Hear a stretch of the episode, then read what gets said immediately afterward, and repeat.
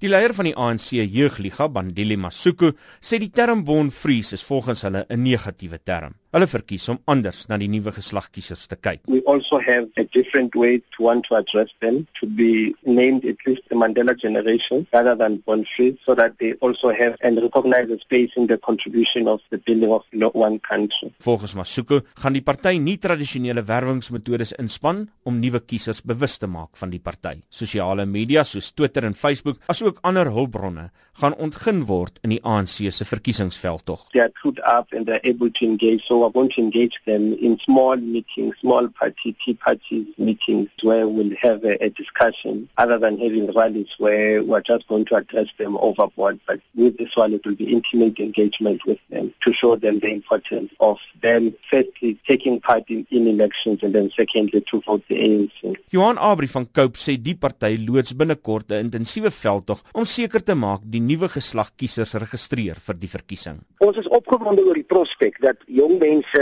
werklik waar nie so geïnteresseerd is in die dinge van die verlede nie. Baie jong mense is nie geïnteresseerd in die struggle in Robben Island nie. Hulle is geïnteresseerd en hulle wil 'n graad hê, hulle wil 'n BlackBerry hê en hulle wil geld hê om uit te gaan op Vrydag aand. So hulle hele belangstelling en hulle hele verwysingsraamwerk is heeltemal anders as diegene wat uit die struggle uit wel gekom het. Abri sê die groep stemgeregtigdes het 'n voordeel bo ander kiesers. Ek dink die feit dat hulle nie met enige bagasie kom nie. Hulle is baie meer geïnteresseerd om 'n geleentheid te kry om hulle stem nou dik te maak. Baie jong mense wanneer hulle nou 18 word, het nie werklik waar 'n politieke party in hulle kop ingemasseer nie.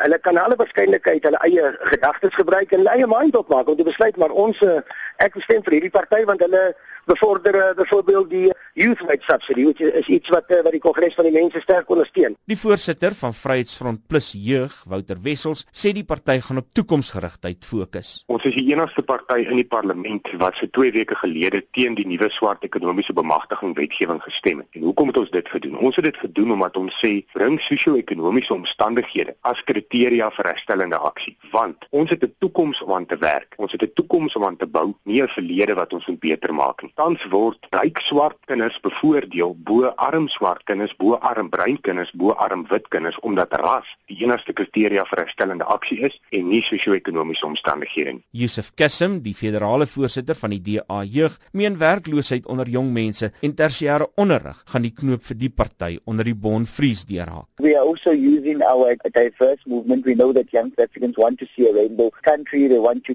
be part of a diverse movement and we are the most diverse political movement in this country. Dit was die federale voorsitter van die DA Jeug, Yusuf Kassim, en ek is Isak Du Plessis in Johannesburg.